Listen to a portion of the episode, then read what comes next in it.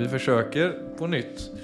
Ja, nej, nu har vi ju snackat om skärm och skärmtid och ja, kanske varit inne lite på både unga och vuxna för vi är ju drabbade av alla detta. Det var ju på debatt igår också, så nu är ju det norska samfund på bollen till och med. Ja, det er, det er lovende. Men du skulle ikke sett på det, for du hadde nå kliet deg i huvudet litt òg, tror jeg.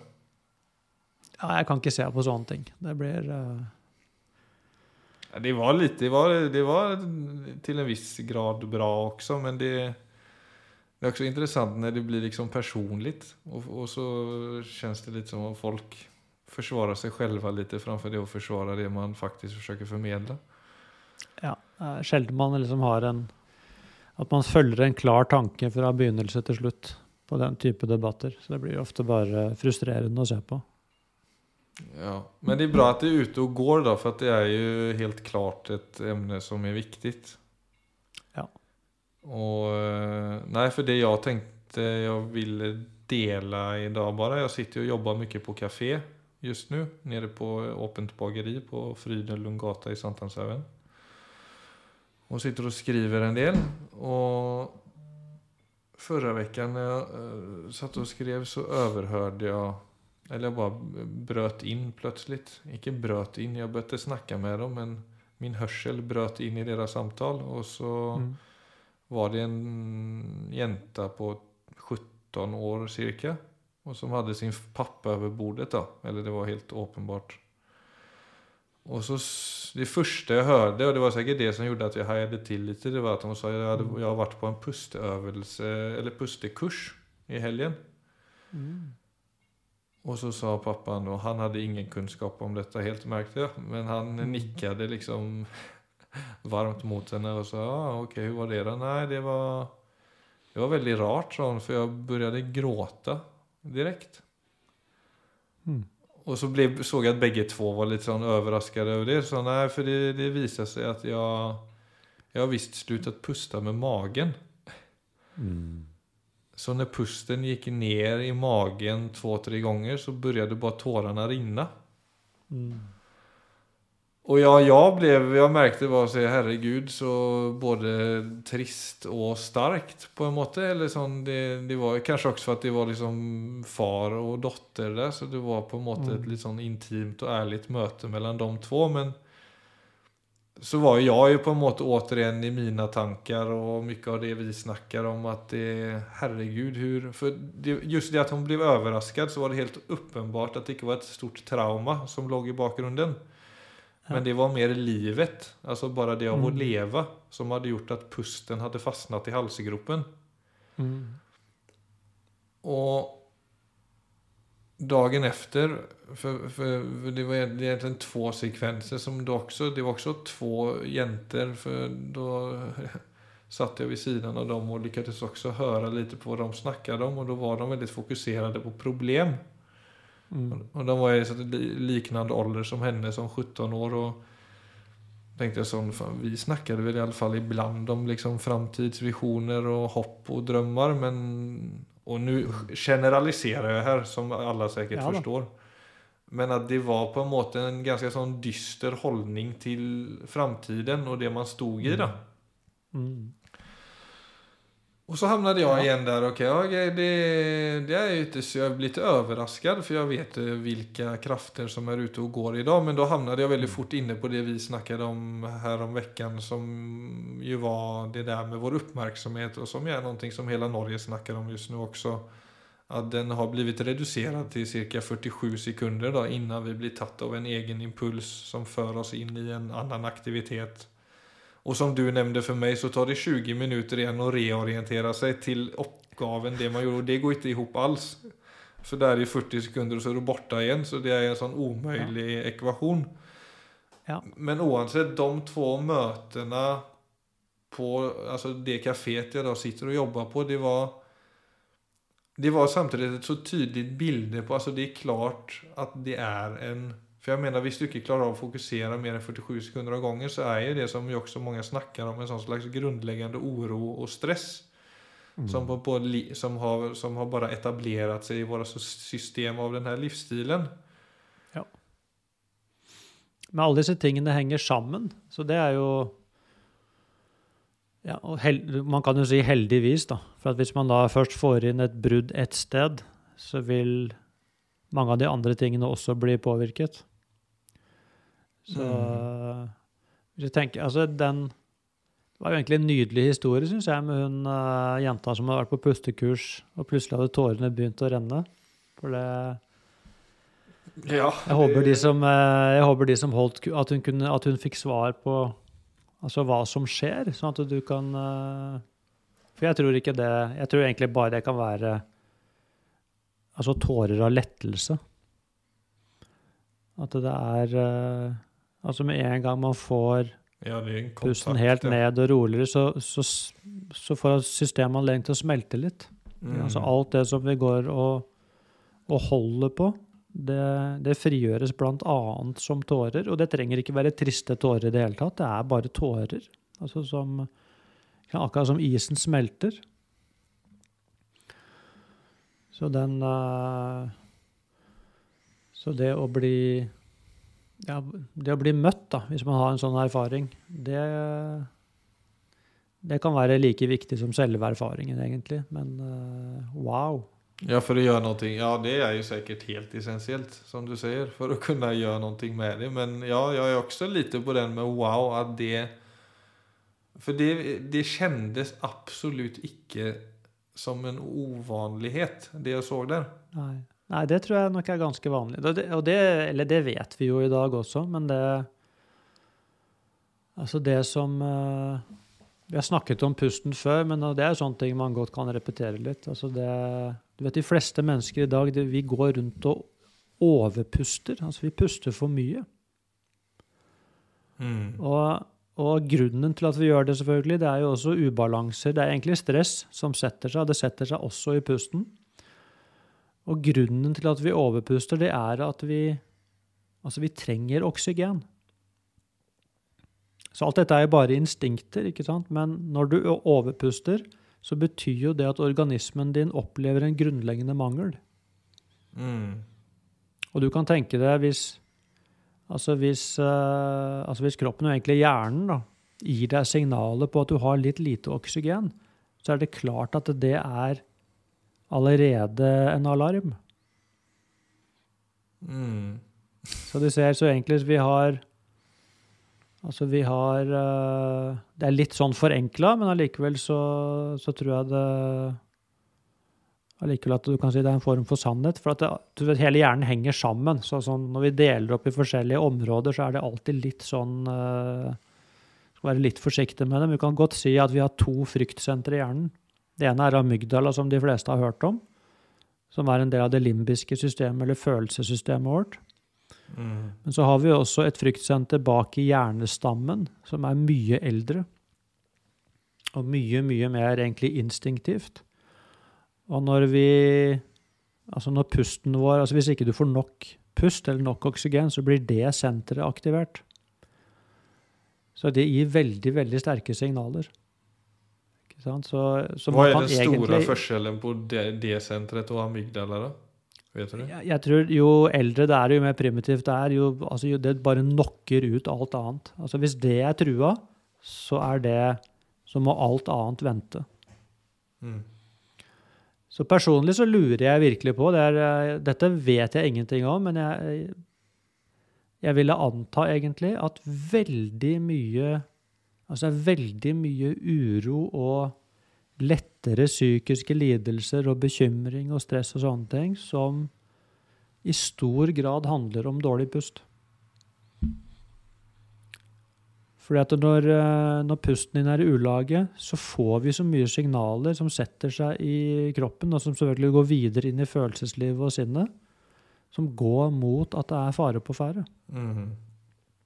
Så du vet jo det selv, Philip. Altså etter en, altså etter en lang, det man ofte kan si en god meditasjon, hvor du virkelig faller til ro, eller hvis du jobber med pusten, la oss si 20-30 minutter, så kommer du inn i en tilstand som er totalt avspent. Og i Mm. den tilstanden, hvis du sjekker ut neste gang du er i en sånn tilstand, så vil du se Hvis du prøver å bekymre deg, så får du det ikke til engang. Nej, för det är det som är så intressant om man då också återkopplar till det samtalet mellan de två tjejerna. Eller generellt samtal som på en måte rör sig mot bekymring och stress eller oro för framtiden och så vidare. Mm. Så kan ju man känna att ja, men det finns ju alltid ljusa perspektiv till ting. Det finns inte alltid Mm. bara en negativ sida. Till och med vid, jag menar, väldigt vonda scenarion. Absolutt. Men de er ikke til å få tak på. ikke sant? Og da tenker jeg sånn, du- og Hvis du da går rundt og har en kort pust, da, som er litt det du snakker om her, så er det da deler av kroppen som på en måte Deler av hjernen, da, eksempel, som styr vårt Mm. omdømme, styr litt mer perspektiv på diverse situasjoner. De her delene får ikke noen oppmerksomhet. Eller de, får, de aktiveres ikke av når vi går rundt og puster kort. Nei.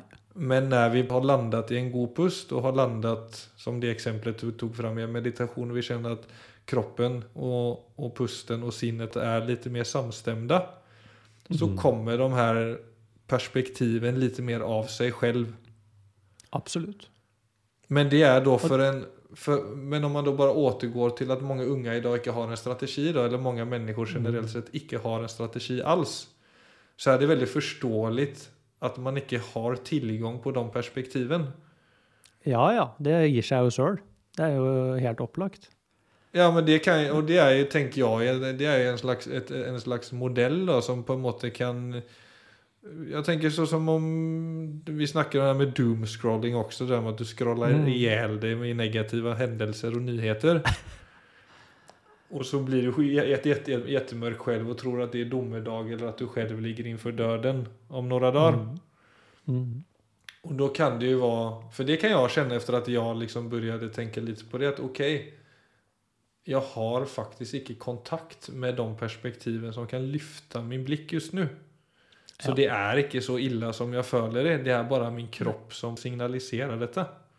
Ja, det er jo en kjempe, ikke sant. Men det er jo Da har du det verktøyet du trenger for å reorientere deg, ikke sant. Så det er jo Det er det som blir viktig her. Og den derre Og det er jo kjempeinteressant det du sier der, for da, da ser du det at altså det perspektivet jeg har nå, det er bare noe som passer den følelsen jeg har i kroppen. Mm. Så på mange måter så er det altså tilstanden min, altså min egentlig fysiologiske tilstand, så vil jo alltid sinnet mitt lete etter altså et narrativ eller et scenario som passer, passer følelsene mine. Og som selvfølgelig da igjen har en tilbakevirkende kraft på hva jeg føler. Så det er jo veldig lett å havne i onde sirkler Mm. i dette her. Og så blir jo det, for det er jo det vi opplever som eh, altså som virkeligheten. Så, men det er klart, i øyeblikket jeg ser det at nei, når jeg ser inn i fremtiden, så, så ser jeg ikke noe håp. Mens det øyeblikket jeg ser at men det bildet er jo bare noe som dukker opp fordi jeg akkurat nå har en dårlig følelse i kroppen, så, kan jeg, så blir det jo latterlig. Mm. Da, da kan jeg se for meg selv at altså det bildet jeg har nå om fremtiden, sier ingenting om fremtiden. Det sier kun noe om hvordan jeg føler meg akkurat nå. Da er det mye lettere å slippe taket. Mm. Helt, ja, helt Så- klart. Så det er jo igjen da disse Altså det egentlig å ha en metabevissthet, da. At jeg er bevisst om mitt eget sinn. Det, og det er selvfølgelig ikke noe vi snakker for mye om, men altså den, eh, det blir et av de verktøyene som blir helt nødvendig for å regulere min egen tilstand.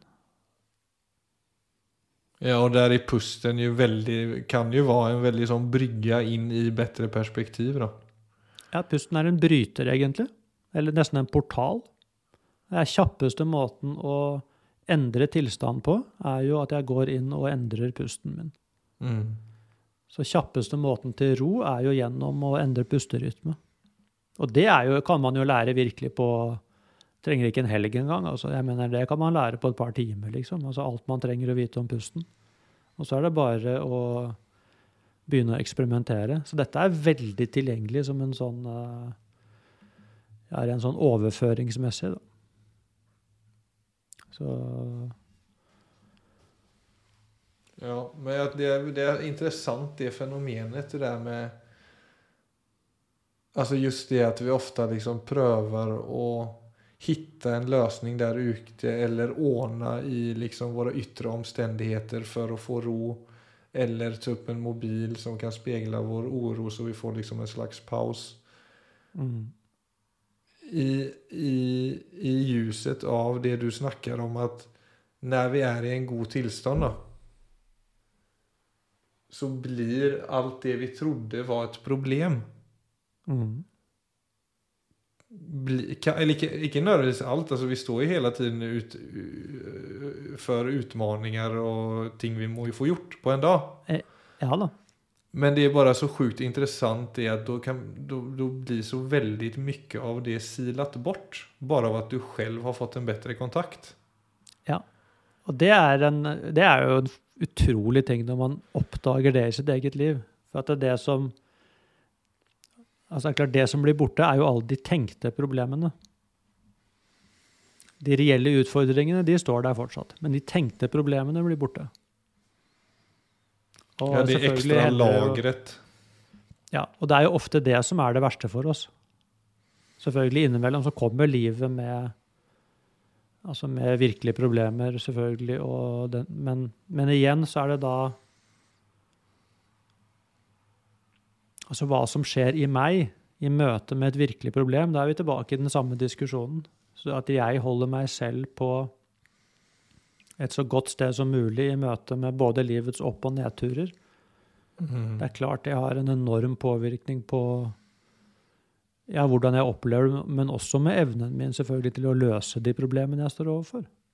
Mm. Så det er jo igjen noe av kanskje den største Altså noe av det mest eh, Altså noe av det viktigste, egentlig, denne debatten da rundt skjermtid og oppmerksomhet og sånne ting, så er det jo Altså hva gjør det med vår kollektive evne til å løse de problemene vi står overfor i dag, altså som eh, Altså i verden? Ikke sant? Altså vi står overfor eh, et klimaproblem som vi alle Altså vi har Altså, vi vet det. Det er ikke noe Det finnes jo folk som fornekter det, men altså, det er ikke så mange av dem igjen. Altså, vi vet vi må gjøre noe, Mm. men vi klarer ikke. Hvorfor klarer vi ikke gjøre noe med altså, Hva har skjedd med dømmekraften vår? Hva har skjedd egentlig med evnen vår til problemløsning? Så det er jo det Johan har i sin bok 'Stolen Focus' sier. Altså, som, han, som han sier egentlig er det største problemet med dette. Det er Det hindrer oss i å løse altså våre kollektive store problemer. Så det, det er liksom det Det er jo i det lille, men det er også i det store. For det er jo, det er jo dømmekraften vår som, som til syvende og sist klarer å vikle oss ut av de tingene vi har viklet oss inn i. Mm. Så det er, eh, så det er i det lille?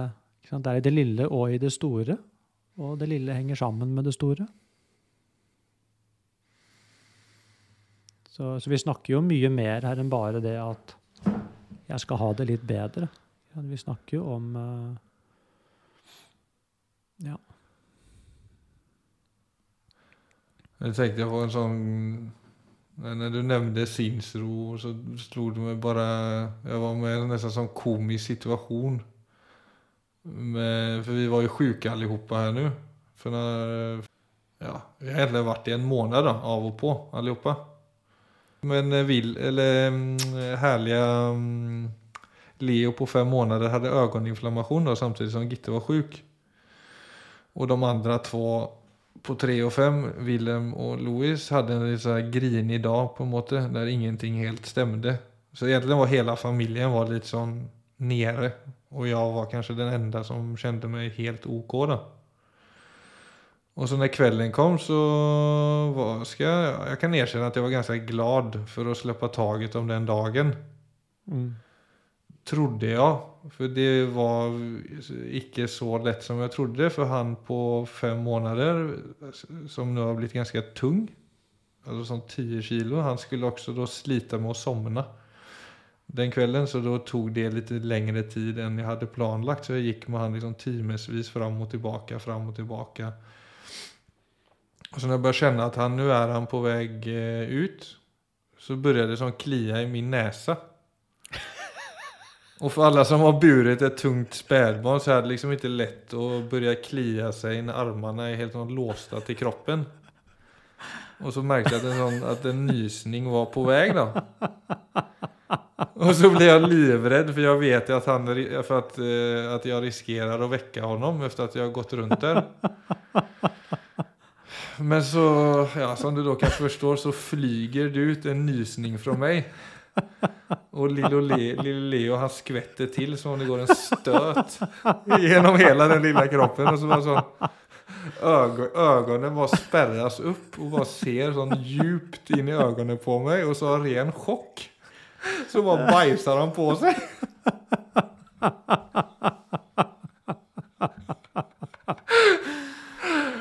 Oh, och jag, alltså jag hade jag tror det var en annen sånn barnhistorie jeg berättade, men alltså det der å liksom ikke har sin tilstedeværelse på plass i møte med vissa ting, det och klare av å bevare sin sinnsro. Altså, det er klart at det her er jo potentiellt sett, altså det å ha barn, ja, det kanskje er min sånn største altså Jeg har jo, hadde jo, har jo hatt meg selv i, i forhold til min mindfulness-trening, men det å ha småbarn, ja. det Å bevare sinnsro men det er en väldigt god praksis, då.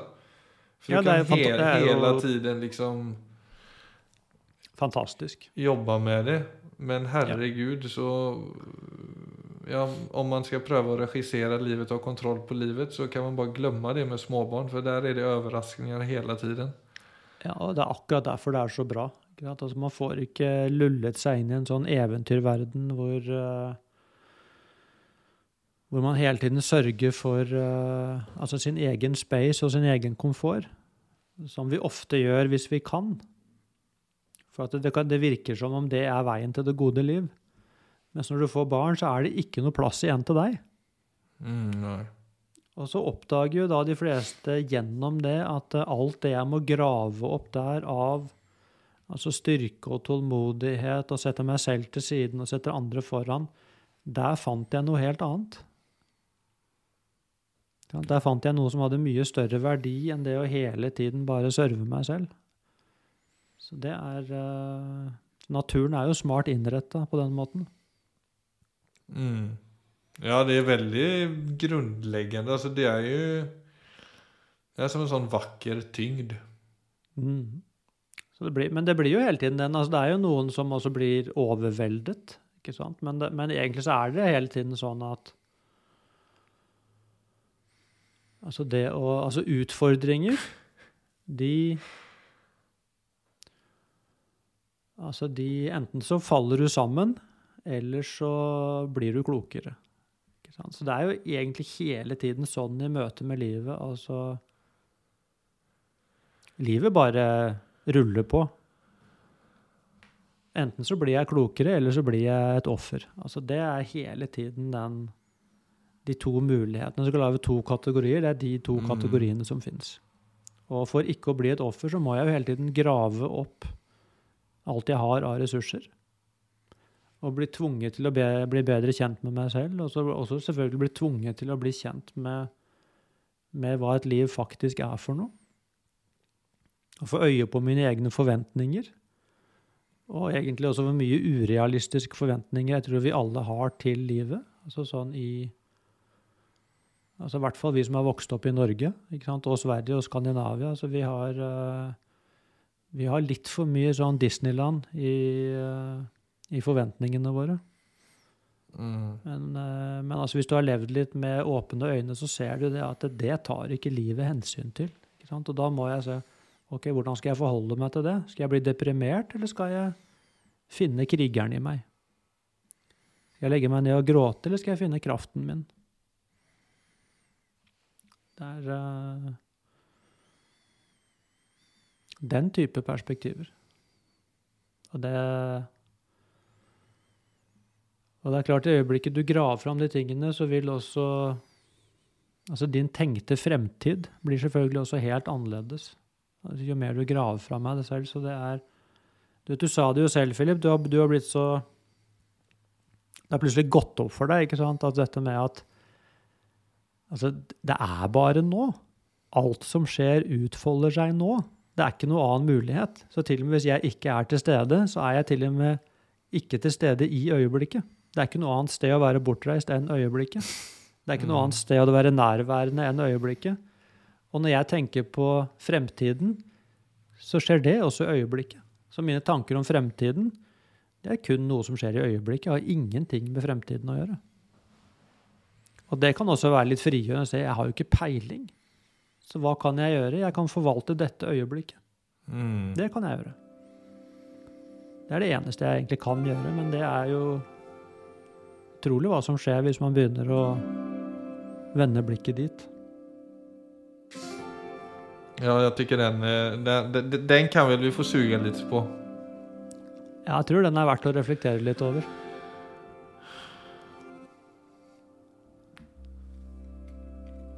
Okej Viggo, Da takker vi lytterne på nytt. Ja, takker vi på nytt og anbefaler eh, alle å puste med magen til neste gang. Se hva som skjer.